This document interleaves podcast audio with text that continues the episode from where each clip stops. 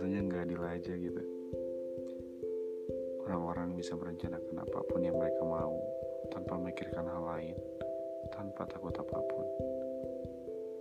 Sedangkan aku rencana sebesar apa pun selalu kalah ukuran dengan realitas hidup yang sedang dijalani. Ya mimpimu harus tinggi dan jauh. Tapi tidak sampai kau mengkhianati